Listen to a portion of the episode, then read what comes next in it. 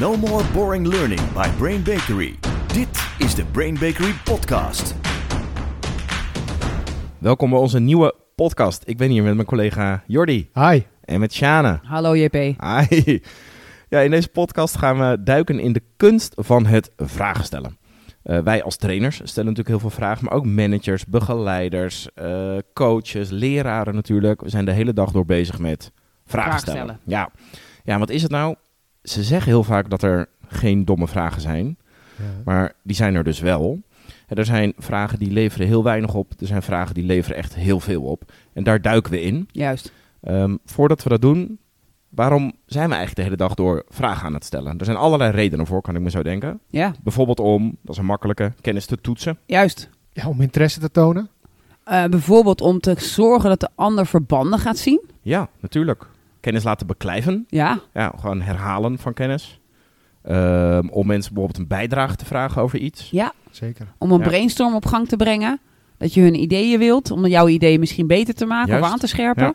Mensen te laten leren. Ja. Allerlei redenen voor dat wij vragen stellen. Juist. Ja.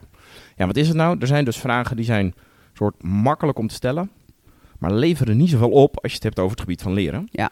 En er zijn vragen die zijn ook wat lastiger om te stellen of te bedenken, maar die leveren echt heel veel op. Juist. En in deze podcast nemen we jullie mee langs vijf vragen. We beginnen bij de vragen die Vijf zijn type vragen, hè? vijf ja. type vragen Ja. natuurlijk. Ja.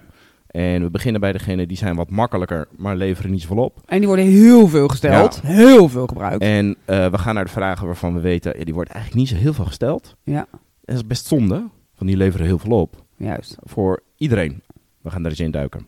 Ja, we zien dat er natuurlijk vooral, als je kijkt naar ons werkveld van leren en opleiden, heel veel vragen gesteld worden in toetsen, in de klassikale, de fysieke trainingen, maar natuurlijk ook heel veel in de online trainingen, waar we het in de vorige podcast over gehad hebben. Nou, wij trainen zelf veel, we adviseren veel trainers en eh, we adviseren ook veel mensen over online trainingen. Dus zo zijn we tot vijf vraagtypes gekomen en eh, die gaan we langslopen. Jordi, de eerste. Ja, dat zijn de feitencheckvragen. En die klinken als volgt. Ehm, in welk jaartal werd het ontdekt? Wie ontdekte het? Hoe werkt dat? Wat is het? Juist. Er wordt gevraagd naar dingen die je net hebt geleerd. En er wordt gecheckt, eigenlijk heb jij opgelet? Heb jij dit in jouw breintje opgeslagen? Ja. Hè, dus je ziet het veel in e-learnings, maar je ziet het ook veel in toetsen. Of je ziet iemand heeft net iets uitgelegd en die vraagt dan welk jaartal was het ook alweer. En deze vraag wordt het meest gebruikt. Hij is het simpelst om te maken. Veel mensen hebben niet door dat ze bijna alleen maar deze vraag gebruiken. Want het jammere van deze vraag is, hij doet twee dingen die je niet wil. Namelijk één, hij vertelt de eh, lerende hoe jij in de wedstrijd zit. Hij vertelt namelijk, ik vermoed dat jij niet hebt opgelet. En ik ga nu checken of jij dat wel hebt gedaan. En het effect wat hij daarmee heeft, dat is het tweede wat je niet wil, is hij betuttelt die ander. Ik denk altijd als ik dat meemaak, dan denk ik, denk je nou net dat ik die tekst niet heb gelezen en dat je me daarom nu gaat... dat- Wat, wat ben je aan het doen met me, joh? Behandel me als volwassene. Juist. Ja. Doe even normaal. Bovendien, als je kijkt naar welk rendement heeft het in de hersenen. Oké, het feitje wordt even herhaald. Herhalen is altijd belangrijk. We willen Ebbinghaus verslaan. Maar ehm, stel dan een slimmere vraag dan dit. Juist. Ja, die feitencheckvragen zie je inderdaad echt superveel. Eh vooral in eh, online training, volgens mij omdat ze ook heel makkelijk eh, te maken zijn. Wat ook nog wel interessanter bij is, is dat je er dus van uitgaat als mensen die kennis hebben, hè, daar hoop je dan op, dat ze dan ook bepaald gedrag gaan vertonen. En dat is denk ik een, een, een aanname die veel trainers en opleiders maken, die niet klopt natuurlijk. Hè? Ja, hè, als iemand weet Ja. dat de vergeetcurve is ontdekt door Ebbinghaus in 1885, dan gaan we ervan uit, nu ga ik ook mijn trainingen ga ik ook zo schrijven dat ik Ebbinghaus vergeetcurve, dat ik daar rekening mee hou. Ja. Terwijl het simpele feit van die 1885 heeft wel betekenis, maar niet die betekenis. Dus eh, ja, feiten checken is eigenlijk de domste vraag die je kunt stellen. Juist. Als we dan toch domme vragen hebben. Een iets wat betere vraag is een inzichtvraag. En die klinkt als volgt. Waarom is dit belangrijk? Voor wie is het nodig? Juist. Hierbij vraag je door naar iets wat je misschien niet net hebt verteld, maar waar je wel een soort indicatie op hebt gegeven. Dus je gaat vragen zodat iemand, dat je gaat toetsen, heeft iemand de betekenis hierachter begeven?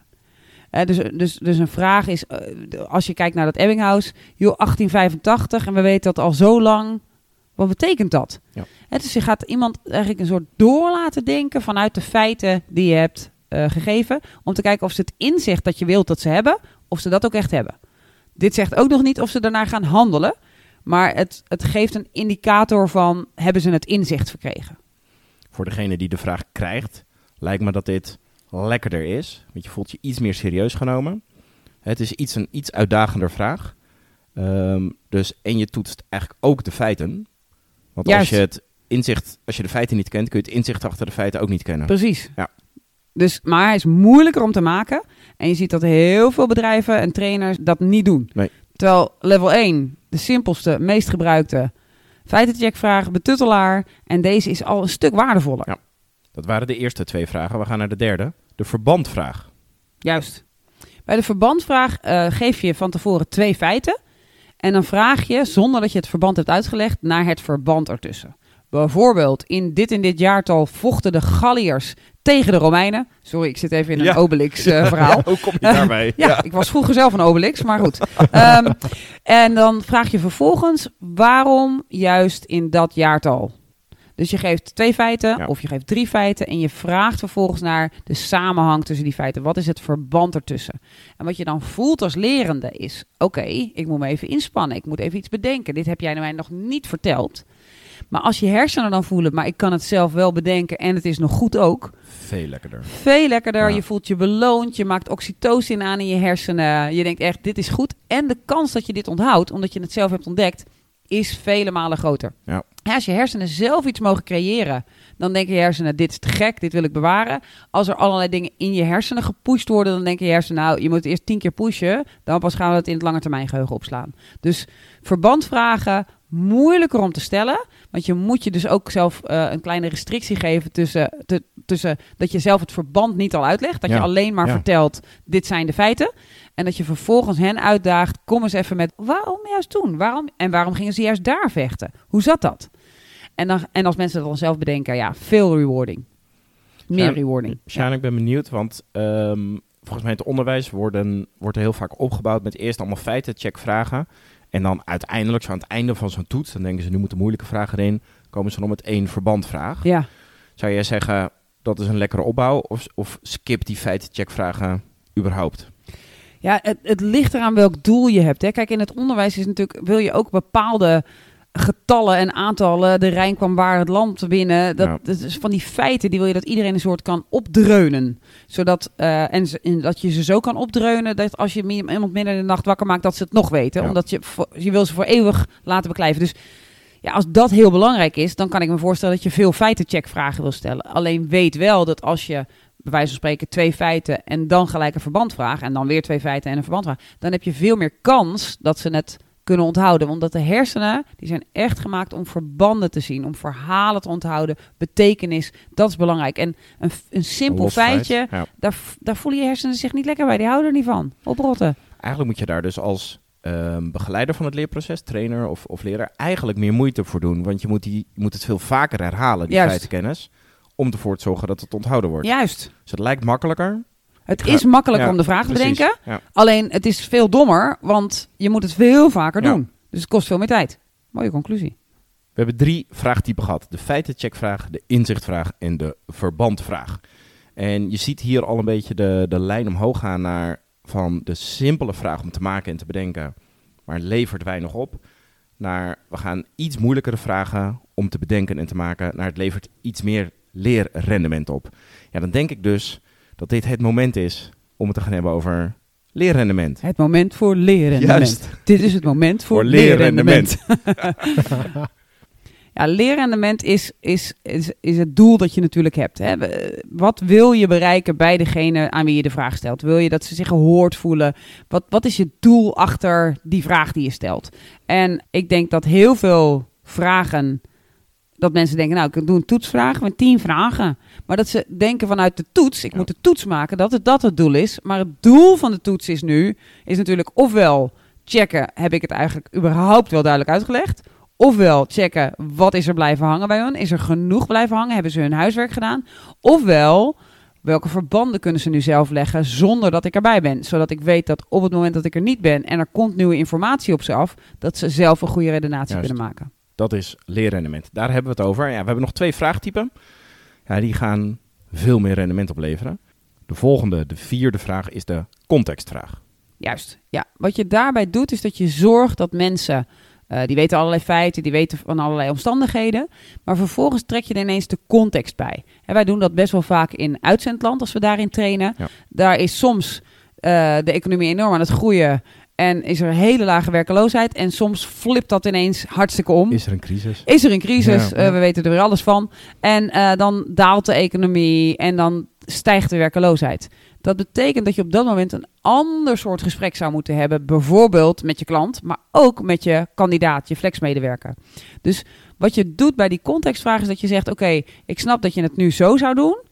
Maar stel dat er dit in de context gebeurt. Wat zou dan de reactie kunnen zijn? Of wat is er dan slim? Jordi, heb je daar een paar voorbeelden van? Jazeker. Wat denk je dat onze klanten vinden van deze verandering? Of wat gebeurt er met ons bedrijf als we het geleerde niet toepassen en de markt zo blijft? Juist. Ja, je haalt dus een, een context van buiten haal je erbij en je vraagt de mensen te redeneren. Dus in die zin lijkt die op de verbandvraag. Te redeneren tussen die context die misschien aan het veranderen is Nou, en de feiten zoals we ze nu kennen. Dus hiermee zorg je dat mensen op een heel eh, actief, proactieve manier kunnen redeneren over: oké, als er om ons heen dat gebeurt en ik weet deze feiten en dit is wat ons doel is, wat zou dat dan nu kunnen betekenen voor wat het slimste is om nu te doen? Dus als je dat level weet te bereiken met mensen, ja, dat is gaaf. Ja, ja ik, ik voel hem ook gelijk. Dit is een veel moeilijkere vraag om te beantwoorden. En het verschil, want je zei al even de verbandvraag. Het verschil met de verbandvraag is, je hebt gewoon twee eh, geponeerde feiten. Hè, Mhm. dit- dit zijn de feiten, wat is het verband daartussen?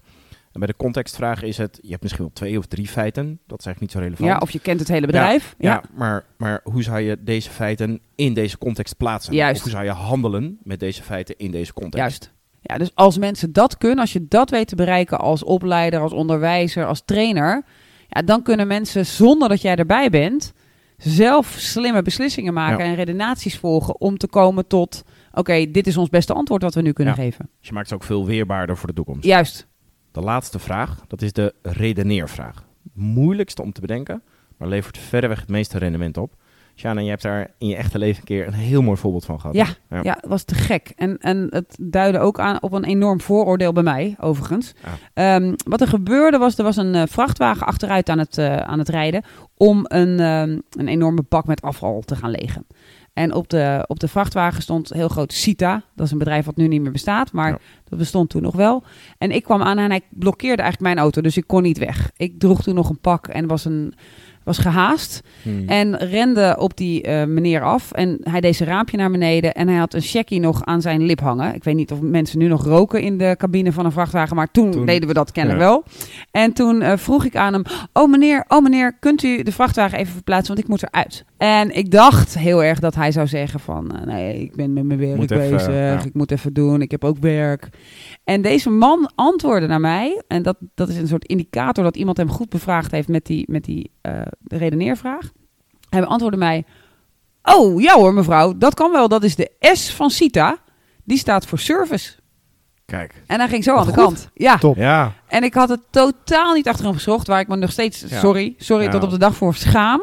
Maar ik vond het zo'n mooie redenering. Dat de redeneervraag gaat echt over, oké, er gebeurt iets nieuws in de situatie. Ik ken de context, ik ken de feiten. En ik kan nu bedenken wat ik dus ga doen. En ik kan ook nog uitleggen waarom ik dat doe. Zo. Ja, als je dat voor Ja. elkaar krijgt, dat iemand waar, die niet bij jou op kantoor zit, die rijdt in zijn, in zijn vrachtwagen zelfstandig in het rond. Kennelijk heeft iemand hem geleerd dat de S van Sita voor service staat. Maar dat hij ook nog kan beredeneren, nu is een situatie waarin ik hem ga toepassen. Ja, dat is natuurlijk helemaal te gek. Ja. en het nog aan jou als, nou, eigenlijk niet als klant, maar als Ja, toeschouwer Als toega- uitlegt. ja, hij legt nog even Ja. uit waarom hij het gaat doen ook. Ja. Ja, dan, dan heb je echt enorm rendement van, van goede vragen Ja. stellen en van goed leren. Dus eh, volgens mij is het kenmerk van de redeneervraag is dat je altijd nieuwe informatie toevoegt. Ja. Bij, de, bij de context ga je ineens, we hebben de feiten, we trekken de context erbij. Ja. En bij de redeneervraag heb je de context, je hebt de feiten en er gebeurt iets nieuws. Wat zou nu slim zijn? Kijk. En als je dat kunt toetsen, van oké, we hebben deze feiten allemaal gegeven, dit is de context, dit is de economische situatie of dit is de financiële situatie, whatever. En dan vervolgens zeg je, maar stel nou dat er dit gebeurt, wat zou dan de slimste actie zijn? En dan wil je toetsen of zij echt tot de slimste actie kunnen komen. Ja, als je dat voor elkaar hebt met je studenten of met je lerenden, ja, dan kun je gewoon vertrekken. Toedeloe. Over zelfsturende teams eh, heb je dan. Nou, zelfsturende leergroepen, Ja. trainingsgroepen Ja, heb je het dan. Ja, Ja. omdat ze hun eigen hersenen kunnen Ja. aansturen. dit is dus de meest ingewikkelde vraag om te creëren, om te maken. Dus Jordi, gooi er nog eens even één of twee voorbeelden in. Bekijk deze grafiek. Waarom is het juist nu van belang dat we deze strategie toepassen? Mhm. Ik heb er nog één. Wat doet onze collega hier fout en waarom is het fout?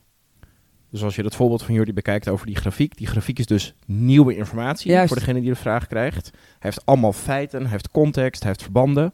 Hij krijgt nieuwe informatie en moet dus nu beslissen... wat is hier slim, wat is hier handig, wat gaat hier fout. Correct, ja. En je ziet dus een filmpje van een collega. Je hebt net geleerd over hoe gaan we met dingen om. Waarom is deze dan fout? Kun je dat beredeneren? Kun je Ja. dat ook uitleggen aan een andere collega? Ja. En want stel je doet een leerinspanning, je wilt dat mensen iets leren, kun je dan ook zorgen dat iemand tegen ander zegt: nee joh, zo doen we het niet, we doen dat namelijk zo.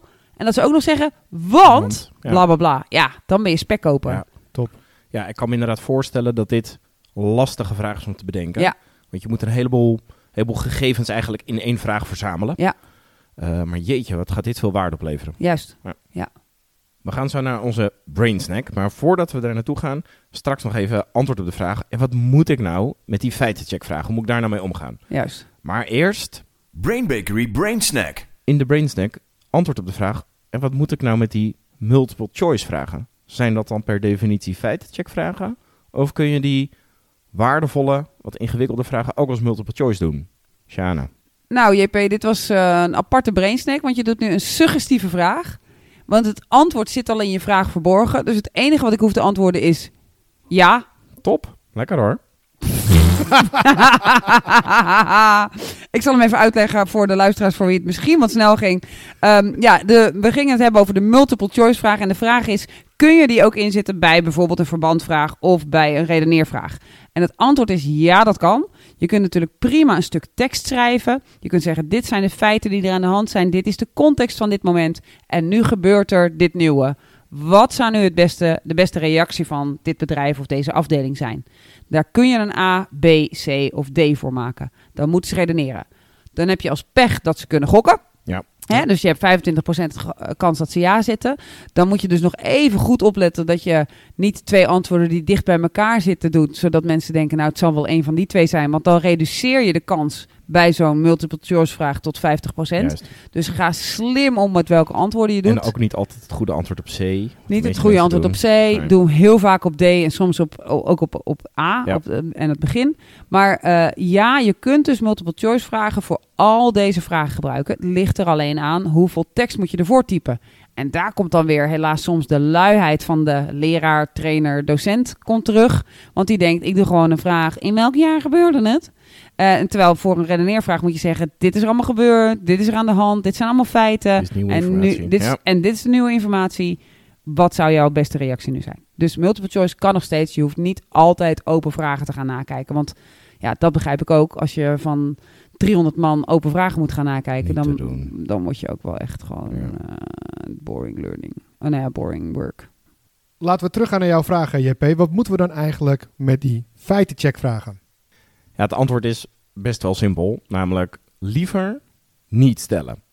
Maar soms ontkom je er niet aan. Dus wat wij als stelregel hebben als je bijvoorbeeld een online training maakt. Met daar een hele set vragen in. Ja, maximaal twee. Want al die andere vragen zijn gewoon veel waardevoller. Dus, dus geef jezelf een limiet. Maximaal twee per training. En niet meer. Mooi, thanks. Als je alles samenvat, dan ontdek je dus dat het gemak van waarmee je een vraag maakt, is omgekeerd evenredig op het lerendement dat je creëert bij je lerende. Zo.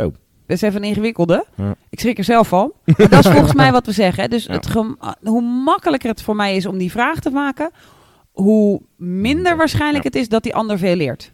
Dus als je iets meer inspanning doet als leerkracht, docent, eh, manager op de vraagstelling die je doet, ja, dan heb je ook veel meer rendement bij de lerende. En hij voelt zich niet betutteld. En dat lijkt me ook best wel belangrijk. Kijk, een betere vraagstelling begint bij jezelf. ja, ja, ik dacht ik gooi hem erin. Mooi. Lieve mensen, we zijn aan het einde van deze Beetje podcast. plat wel hoor. Maar Ja, en we hebben vijf vragen, eh, vijf vraagtypen eh, zijn we langs gegaan. De feitencheckvraag, de inzichtvraag, de verbandvraag, de contextvraag, de redeneervraag en als bonus kregen jullie van mij nog de suggestieve vraag. Sjane, mag ik je danken? Ja, dankjewel. Jordi, dankjewel. Graag gedaan. Het was me weer een plezier. En voor iedereen, tot de volgende podcast. No more boring learning. Dit was de Brain Bakery podcast. Wil je meer weten? Kijk dan op brainbakery.com of volg ons op onze socials.